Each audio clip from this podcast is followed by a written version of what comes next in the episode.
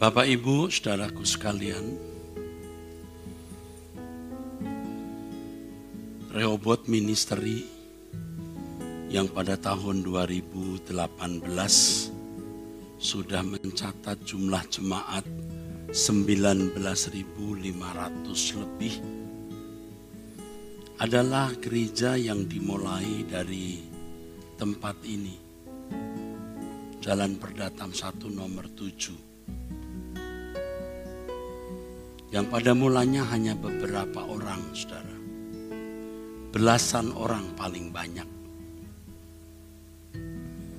Jadi inilah Rehobot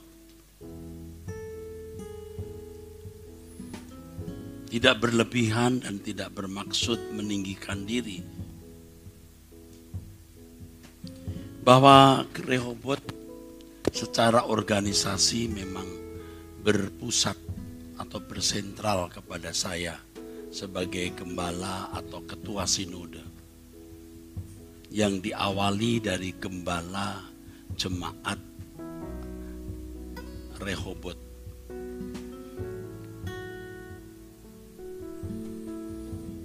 Jadi kalau ada orang yang merasa berjasa, itu tidak benar. Saya pun juga tidak merasa berjasa, walaupun sayalah yang memulai jemaat ini, saudaraku. Yang pada mulanya orang tidak mencari Pak Julius More, tidak mencari Pak Ferry Kencem atau Pak David Adam atau Pak Kiong Kiong atau Pak Dav Timotius Tan atau Pak Max Elia Saputra atau siapa pun hanya mau mendengar Erastus Sabdono pada mulanya. Tetapi kemudian semua harus bertumbuh dan pasti suatu hari saya akan meninggal dunia dan pekerjaan Tuhan ini harus diteruskan oleh pendeta-pendeta yang selama ini saya bimbing, saya bina untuk menggantikan saya, saudara. Jadi kalau saudara melihat pendeta Frankie Chong berkhutbah, itu salah satu buah. Dulu beliau masih jemaat biasa di Gajah Mada. Ibu Esther Natasa Putra, dulu hanya ibu rumah tangga yang datang mendampingi suaminya Pak Budi datang ke Rehobot. Pak Kiong Kiong dulu hanya teman saja. Dia koordinator di salah satu gereja yang pada suatu saat ketika dia punya masalah, dia datang ke gereja ini sebelum tahun 2000, lalu berteman dengan saya. Memang kami bersahabat sudah 30 tahun. Saya masih ingat beliau datang kemari masih kecil gereja ini. Kami habis kebaktian makan di restoran Padang. Dan terjalin hubungan sampai hari.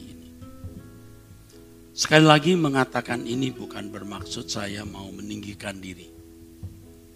Tapi saya harus menggoreskan di dalam catatan. Catatan yang jujur. Tidak ada orang yang berhak mengatakan saya ikut membantu mendirikan Rehobot. Saya ikut membantu mendirikan gereja ini. Tidak ada yang boleh berkata begitu. Saya pun tidak merasa berjasa. Rehobot ada seperti hari ini. Tetapi yang harus saya sangat tekankan pada kesempatan ini adalah bahwa ini gereja mula-mula dari Rehobot. Ini gereja mula-mula gereja pertama, gereja yang paling berhak menggunakan nama Rehobot. Lebih berat dari Kelapa Gading, walaupun sekarang jumlah Kelapa Gading, jumlah jemaatnya ribuan-ribuan. Lebih berat dari cabang mana pun. Ini gereja mula-mula, ini gereja awal. Tetapi ada satu yang saya khawatirkan, saudara. Hati saya merasa miris. Ada satu yang saya khawatirkan. Jangan sampai yang terdahulu menjadi terkemudian. Yang terkemudian jadi yang terdahulu. Jangan sampai gereja yang mula-mula ini menjadi terbelakang. Sedangkan yang kemudian, yang belakangan menjadi lebih dulu. Dalam kualitas.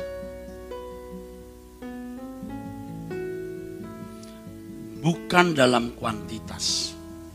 Jelas kalau dalam kuantitas saudara, tempat ini tidak memadai. Ya, paling bisa menampung hanya berapa 200. Belum tentu cukup ya, 200. 250. 250. Ya Pak? 2 243. Waduh, ini profesor kalau bicara tepat nih. 243. Profesor James ini. 243 kenapa enggak 2450 gitu ya? Kita kan suka ngepasin gitu ya. Tapi 2433 itu kan angka ganjil ya. Ini kalau belanja nggak ada kembaliannya kan. Ya oke. Jangan sampai yang terdahulu menjadi terkemudian ya. Itu ironis, miris, ya, sedih ya. Oleh sebab itu pada kesempatan ini saya mengajak Bapak Ibu untuk mengubah cara berpikir. Mengubah cara berpikir. Kekuatan kehidupan rohani kita itu bisa dibangun dari cara berpikir yang benar yang dikemukakan Tuhan Yesus di Matius pasal 6 ayat 21. Karena di mana hartamu berada, di situ juga hatimu berada.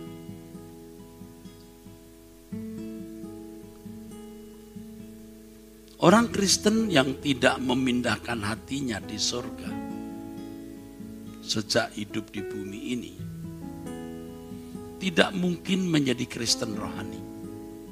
Tidak mungkin.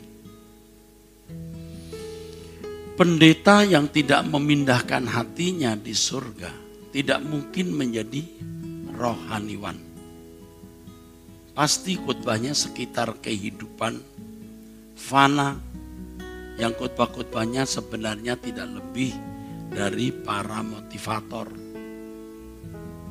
Injil yang sejati itu memiliki karakteristik yang bertolak belakang, bisa paradoks, bisa bertolak belakang dengan cara berpikir dunia ini, saudara.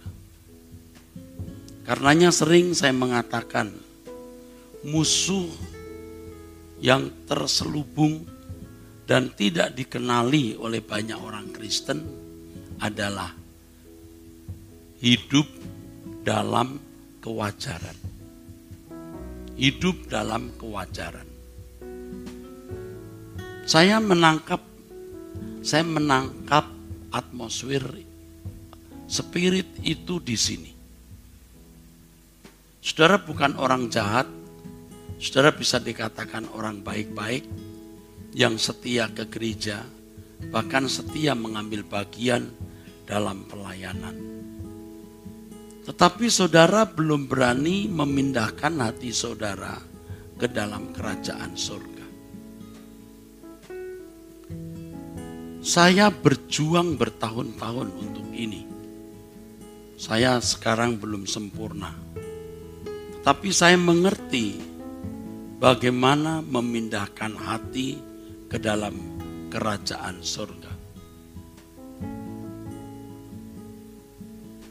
Maksudnya apa? Memindahkan hati dalam kerajaan surga. Begini Bapak Ibu. Ini akan membuat saudara memiliki kehidupan rohani yang meroket.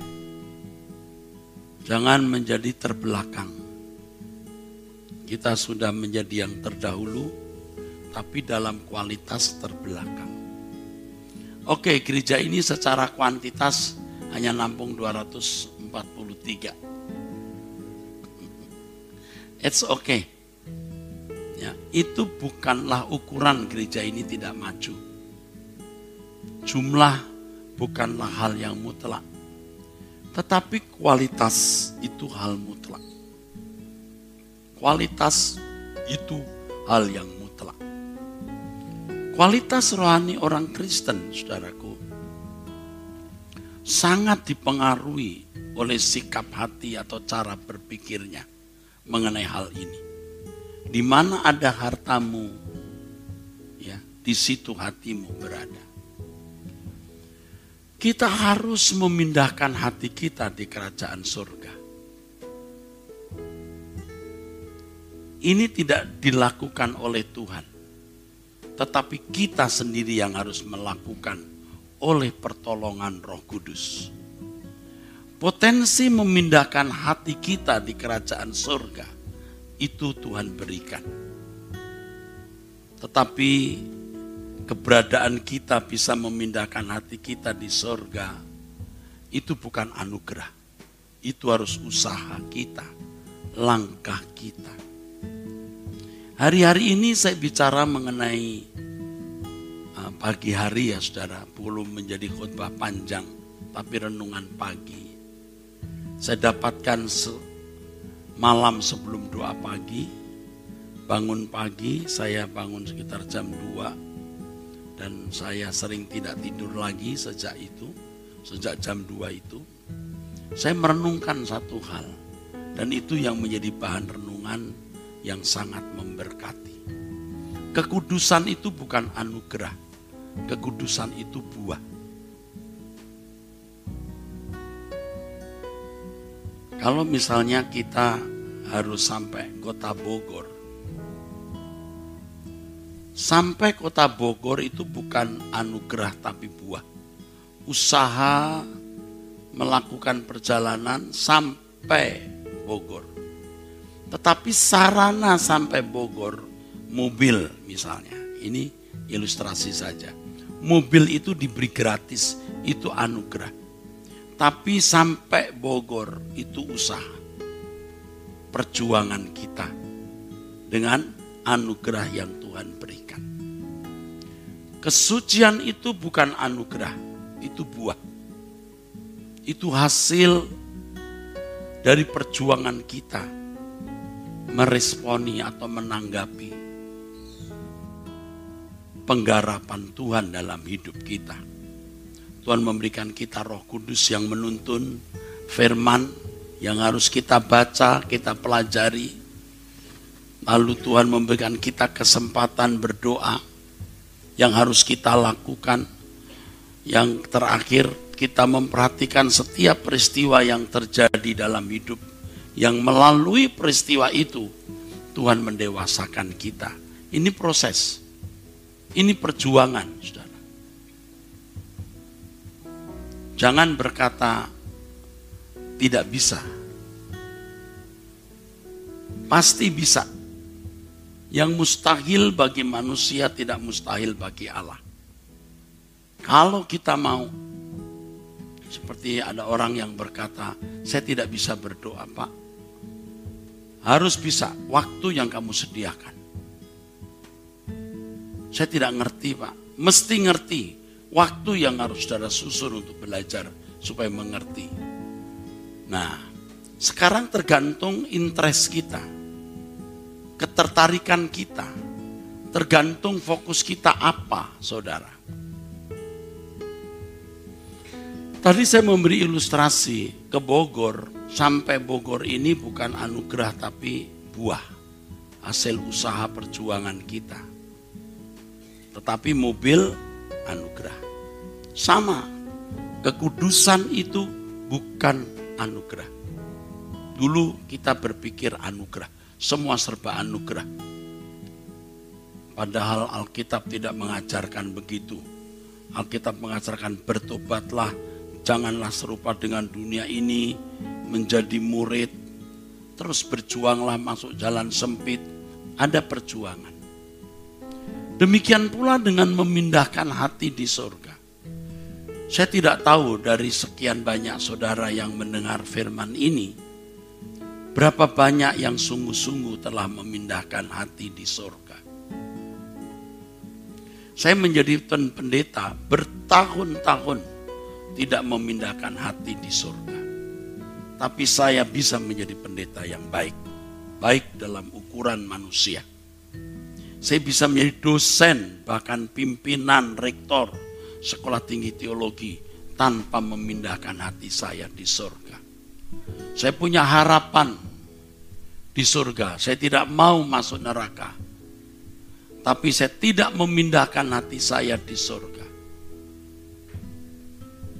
Saya katakan ini benar, bukan berlebih-lebihan atau hiperbola, bukan bluffing, itu kenyataan. Kalau saya jujur melihat hidup saya masa lalu, saya sebenarnya belum memindahkan hati di surga. Secara teori saya tahu saya musafir di dunia ini. Saya harus menuju surga. Lagu-lagu saya dari dulu soal musafir sudah ada. Karena secara logika, secara nalar rohani, saya tahu saudaraku, rumah kita di surga bukan di bumi, kita harus ke surga, tapi tidak memindahkan hati. Tuhan mengatakan, di mana ada hartamu berada, di situ juga hatimu berada. Kapan? Sekarang. Sejak kita hidup. Sekarang. Bukan nanti, sekarang. Saudara mendengar saya bicara? Masih mengikuti? Tapi bagaimana memindahkan hati di surga? Itu yang menjadi masalah. Yang kemudian kalau saudara tahu itu yang menjadi perjuangan saudara. Saya beri catatan ya. Kalau saudara memperjuangkan hal ini, saudara dalam segala hal diberkati Tuhan. Itu yang Alkitab katakan mendahulukan kerajaan surga, semua ditambahkan kepadamu. Bagaimana memindahkan harta, memindahkan hati kita di surga?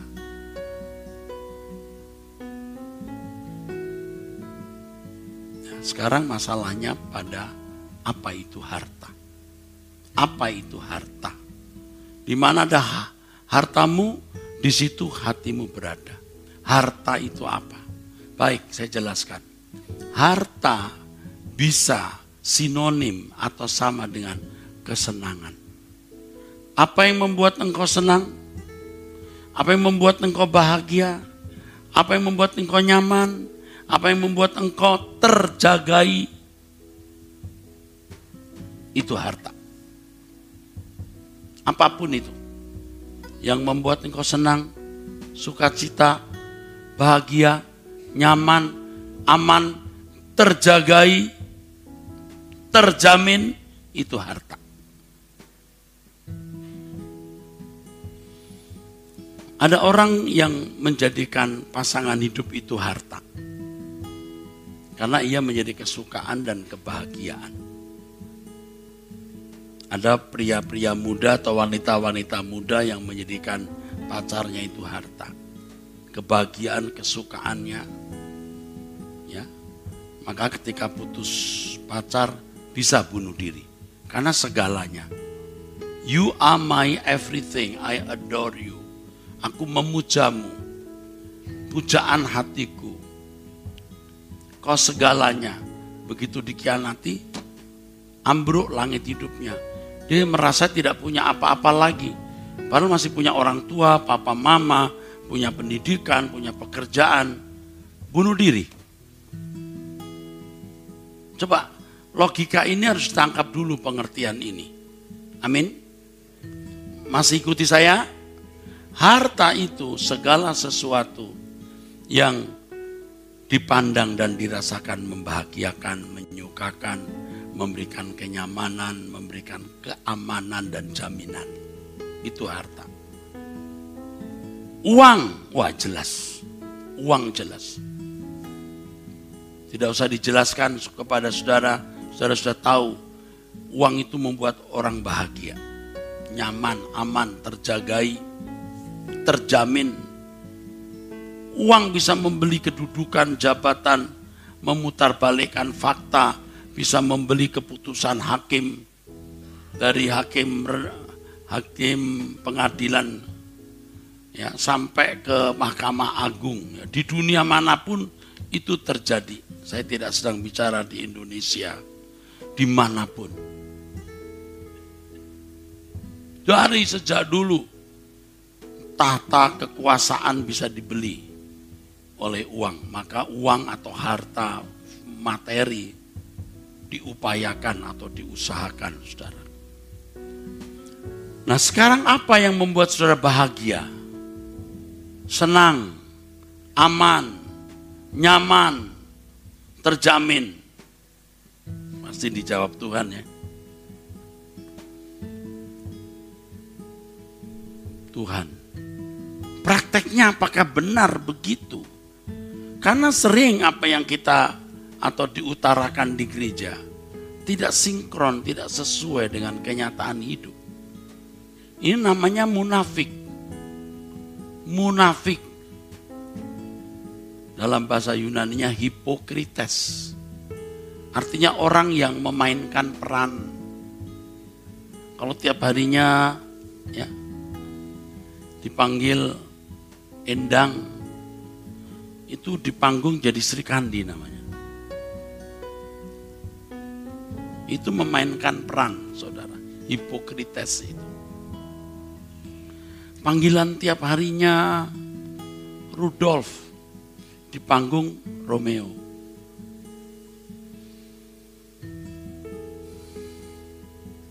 Panggilan harinya Nuni waktu di panggung Juliet.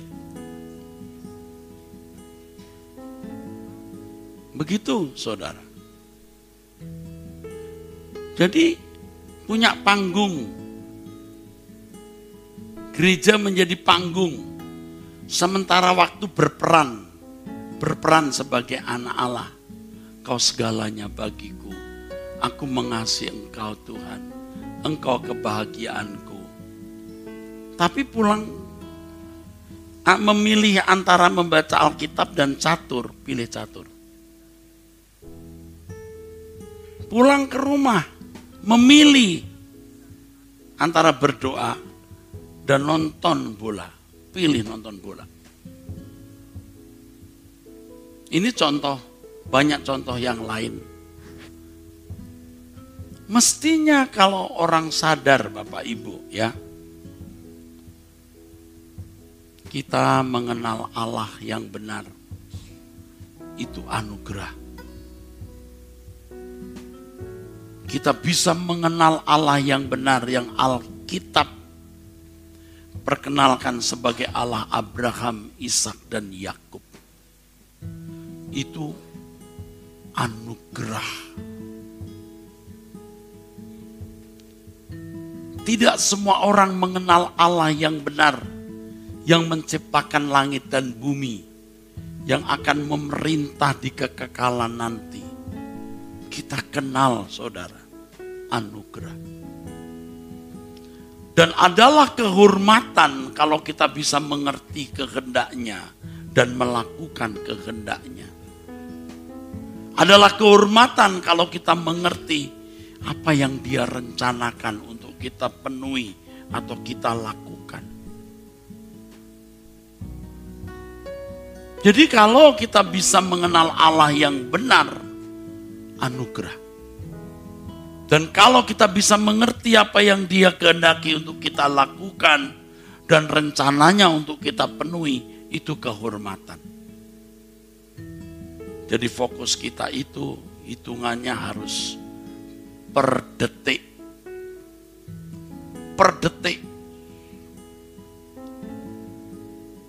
Supaya kita tidak hipokritas, tidak munafik, tidak memainkan peran sesaat, tetapi sepanjang waktu kita memperadapkan diri kita di hadapan Allah sebagai anak-anaknya yang mau melakukan kehendaknya dan yang mau mengerti apa yang dia rencanakan untuk kita penuhi dalam sisa umur hidup kita ini. Kalau kita katakan dia kebahagiaanku, dia kesenanganku.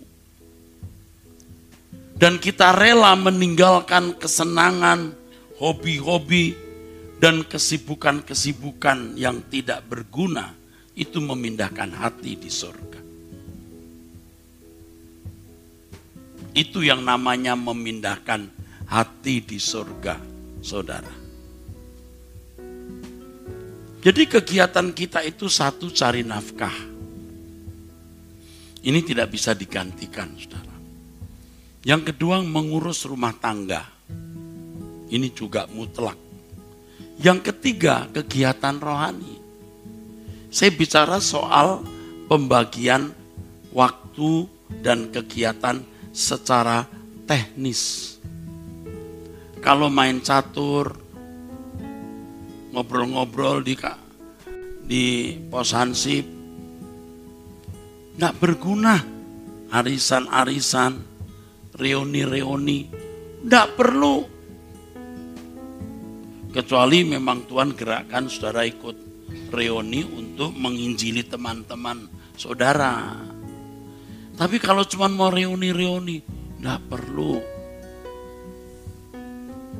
kumpul-kumpul ibu-ibu kumpul-kumpul yang satu hobi masak misalnya. Nah usah kecuali di situ saudara mau bersaksi. Kalau cuma kumpul-kumpul masak, misalnya kumpul masak, saudara punya badan membengkak.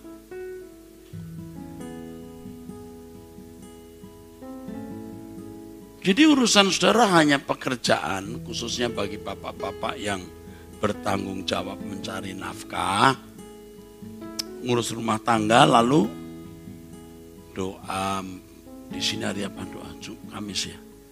Kamis doa PA kebaktian ikut pelayanan udah ya saya juga tidak setuju ada pelayanan terus selalu anak dikasih uh, mie instan terus ya harus masak sayur yang baik dan sehat jangan karena pelayanan anak diceplokin telur Mukanya kayak telur anaknya nih. Ceplok telur terus. Nggak boleh. Dalam hidup orang Kristen yang fokus, fokus. Tidak perlu ada hobi. Sekarang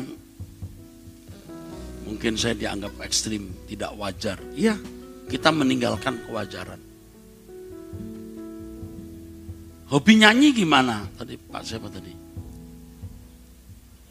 Pak Binanga. Binanga. Dalam bahasa Batak Binanga ada loh, apa ya artinya? Iya ada. River. Oh, river. Mount River. Ya binanga. Ada kata binanga di lagu itu Pak. Saya mardongan, olop, olop. Ada kata binanganya itu ya. Kalau nggak salah ada kata binanganya deh. Atau salah dengar itu.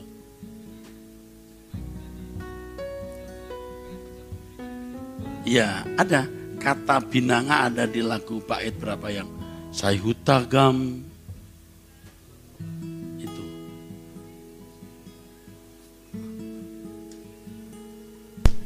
ada binanga ya. Hobi nyanyi itu bagus pak. Karena kita nyanyi untuk Tuhan. Apa nggak boleh nyanyi lagu dunia? Boleh ada lagu-lagu dunia yang bagus. Tentang cinta, alam, enggak apa-apa. Tapi lagu yang Joni aku rela di madu. Aduh ya. Yang itu ya enggak usah dinyanyikan. Tapi kalau lagu-lagu saya Oh itu mestinya E itu. Sayutagam do Tuhanku. Saya masih haki di haro roni Tuhanku. Songona nidonai nganolopo uria managamu Maranatha roh oh Tuhan amin tibu maro lalu ada bait keberapa yang ada kata pinangannya? Ya betul Pak ya? Lupa-lupa ingat. Oke. Okay. sorry ya saya walaupun orang Batak suka lupa bahasa Batak aduh baik Bapak Ibu sekarang kita hobi-hobi yang tidak perlu dibuang. Kesibukan yang tidak perlu dibuang. Saudara menjadi orang-orang yang benar-benar tidak sama dengan dunia. Tapi jangan sengaja sombong lalu jadi unik begitu, tidak boleh. Tetap harus wajar, jangan jadi nyentrik. Tidak boleh. Pokoknya biasa saja tapi beda. Jadi pekerjaan, rumah tangga, lalu urusan gereja. Ini kalau bapak-bapak begini nih, sulit selingkuh. Bisa tapi sulit. Kalau urusannya kerjaan selesai, urus rumah tangga, gereja. Bagaimana mau selingkuh? Nggak ada waktu. Bapak-bapak yang selingkuh itu kan karena urusan gereja diganti urusan gebetan apa itu gebetan? Apa? Teman ya, gebetan. Akhirnya digebet dia. Rusak hidupnya. Senangnya nggak seberapa, susahnya panjang, mengerikan. Jadi sekarang jangan Bapak Ibu ya, yang sudah yang sudah memulai Jangan sampai saudara terbelakang. Belum meninggalkan hidup kewajaran saudara. Saya tidak menyesatkan saudara. Kerja baik-baik, cari uang sebanyak-banyaknya, urus rumah tangga. Lalu kegiatan gereja. Udah, jangan lakukan yang lain. Ada yang hobinya mancing. Buang. Ganti beli ikan di pasar ikan Tapi ini hobi dari kecil, kecuali saudara dagang pancing. Jual pancing, kalau tidak enggak usah. Berangkat Jumat, pulang Minggu, berangkat Jumat, pulang Minggu sore, tiap minggu kerokan masuk angin. Karena kena angin laut. Usah lagi. Pindahkan hatimu. Sampai saudara Sampai saudara mengecap Tuhan itu seperti seorang yang kecanduan. Saudara tidak bisa hidup tanpa Tuhan. Saudara bisa fall in love, crazy loving, jatuh cinta kasmaran dengan Tuhan. Jangan fantasi waktu di gereja, aku cinta padamu Tuhan, kau segalanya bagiku. Itu sudah menjadi kebiasaan banyak orang Kristen berperan. Seperti punya dua dunia atau dualisme. Dunia anak Allah yang hanya satu jam setengah dua jam di gereja. Lalu dunia anak dunia yang lebih banyak di dunia. Di gereja nyanyi dari dulu. Kesukaan yang ceria hanya ada padamu. Ini lagu klasik yang menjadi lagu rohani yang luar biasa loh mutunya. Kesukaan yang ceria hanya padamu. Wow. Tapi prakteknya apa? Tidak ada. Kalau di gereja, Laskar Kristus maju. Cuman begini doang di gereja. Begitu di luar, Laskar setan maju mulutnya jahat, kelakuannya tidak senonoh. Laskar siapa? Minggu ke gereja, Senin mabuk. Minggu ke gereja, Rabu main judi. Eh minggu lagi, Laskar Kristus. berperan.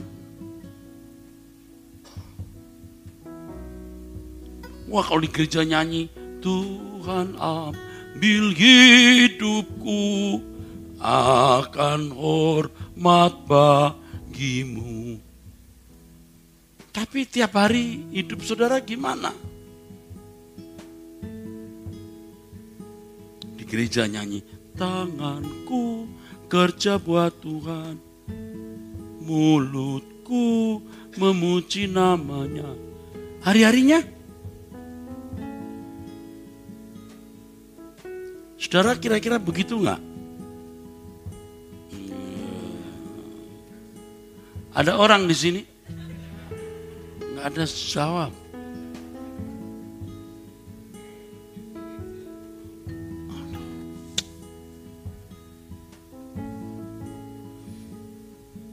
Saudara, saudara harus punya niat, harus tekad. Kalau tidak ada niat, tidak ada tekad, tidak bisa. Mungkin saudara sekarang di gereja berkata, iya sih, mau sih. Tapi begitu keluar gereja, menguap seperti air, seperti es batu. Kenapa? Karena saudara punya banyak niat tekad untuk yang lain. Makanya kita harus rela. Seperti saya hobinya nonton. Saya punya koleksi Blu-ray. Blu-ray ya. Waduh, ratusan saudara. Kalau Blu-ray asli di luar negeri kan mahal nih saudara. Ya. Blu-ray asli itu bisa jutaan ya satu itu. Waktu itu. Wah di Indonesia saudara 50 ribu waktu itu. Turun jadi 25. Waduh, saya beli banyak. Belum saya lihat semua, baru sebagian saya lihat sambil olahraga. Wah ini mendistrak atau merusak pikiran saya. Sejak Juli akhir tak Juli pertengahan tahun lalu Tuhan ubah hidup saya ya. Saya buang semua hobi. Hobi saya sound system, musik, dan saya punya piringan hitam Pak. Ribuan jumlahnya Pak. Sampai lemari. Akhirnya sekarang dijual di toko. Bikin toko, kasih orang aja jual. Buang semua. Kalau mau tidur ada TV. Berita pun kalau tidak perlu saya matikan. Saya nggak mau terdistrak. Apalagi film. Ya kecuali film yang memang mengandung pelajaran rohani, tidak salah. Udah kita buang semua, saudara. Kesenangan-kesenangan kita buang semua. Saudara tidak salah punya rumah, mobil yang memang menjadi kebutuhan saudara. Tapi jangan menjadi kesenangan yang mengikat saudara. Kesenangan saudara harus Tuhan. Dan kalau saudara percaya Allah itu hidup, Allah itu ada, Allah itu bisa dinikmati. Saudara harus menyediakan waktu untuk bertemu dengan Tuhan setiap hari. Bertemu dengan Tuhan itu, saudara, kehormatan. Jadi menjadi prime time, waktu yang berharga, yang utama setiap hari. Nanti saudara akan menjadi takut akan Tuhan semestinya. Hormat akan Tuhan semestinya. Dan mengasihi dia semestinya. Dan itu tidak bisa dalam sekejap. Ada peribahasa dalam bahasa Jawa ya. Tresno jalanan soko kulino. Artinya bukan dilarang parkir di sini Artinya cinta itu dibangun dari kebiasaan. Kebersamaan dengan Tuhan itu membangun cinta. Sampai tidak terpisahkan lagi saudaraku. Sampai saudara bisa berkata, aku membutuhkan engkau lebih aku membutuhkan nafasku dan darah dalam ini lagu lagu-lagu baru yang saya tulis ya beberapa minggu belakangan ini. Sudah sampai sini kah? Ku mencari hadiratmu. Ku mencari wajahmu Tuhan. Ku rindukan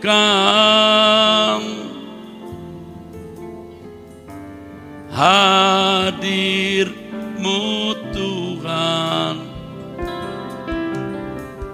Hanya kau yang ku nantikan Hanya engkau yang ku harapkan Ku rindukan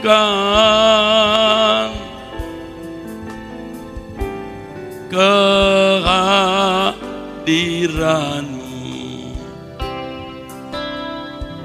Ku perlu kau lebih dari nafasku.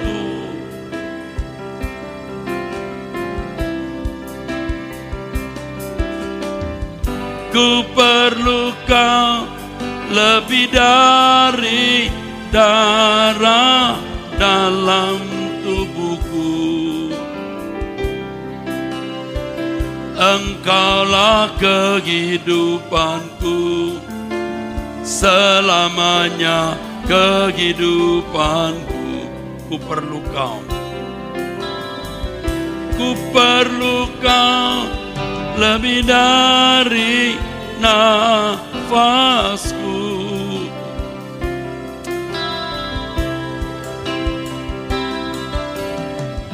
Ku perlu kau lebih dari darah dalam tubuhku.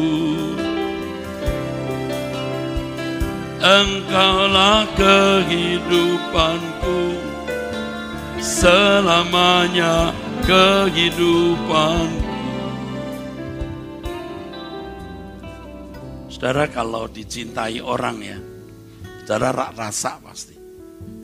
Pasti rasa Orang nembak saudara ini kalau yang muda-muda ya Yang udah punya suami istri jangan menembak-nembak lagi ya yang udah punya suami istri jangan nembak-nembak lagi ya. Tahu artinya nembak ya? Apa sih nembak itu? Apa? Pokoknya menunjukkan cinta itu ya. Kalau bapak ibu enggak, enggak boleh karena bapak ibu sudah masuk kotak ya. Pembukuannya ditutup. Udah nggak diaudit lagi ya. Yang muda-muda itu kalau nembak ya, waktu kita SMA dulu, waktu kita sekolah ya. Ditembak itu tahu kan rasa ya, terutama wanita, oh dia nembak aku gitu. Terus bergaul dekat-dekat. Manusia saja bisa rasa loh kalau ditembak. Tuhan tahu, dia ditembak itu Tuhan tahu. Jadi kalau kita di gereja, Tuhan aku mencintaimu, kau segalanya bagiku. Tuhan tahu sudah bohong, berperan doang bohong. Malaikat gini, bohong kamu. Tapi karena sudah menjadi liturgi, namanya seremonial. Udah, sering kali nggak merasa berdosa. Padahal pernyataan kita di gereja ini mestinya representatif. Perwakilan hidup kita setiap hari. Bayangkan ya kalau suami main pukul istri, tidak kasih nafkah. Kalau diranjang berkata, I love you mom. Itu mulut apa nggak mesti disambeli? Nah Tuhan kok diperlakukan begitu loh. Kita mesti takut. Hidup kita setiap hari itu diwakili dengan kalimat Then sing my soul, my Savior, God to thee. How great thou art. Nah kalau tiap harinya kita tidak mengasihi Tuhan lalu di gereja, haleluya, haleluya. Penipuan ini berlangsung selama puluhan tahun. Belasan tahun. Sehingga menjadi permainan yang sudah rutin tanpa merasa berdosa, hari ini kita hentikan. Jangan sampai sudah meninggal dunia, Tuhan berkata, aku tidak kenal kamu. Apakah hidup saudara sinkron, selaras, sesuai dengan pengakuan saudara di gereja?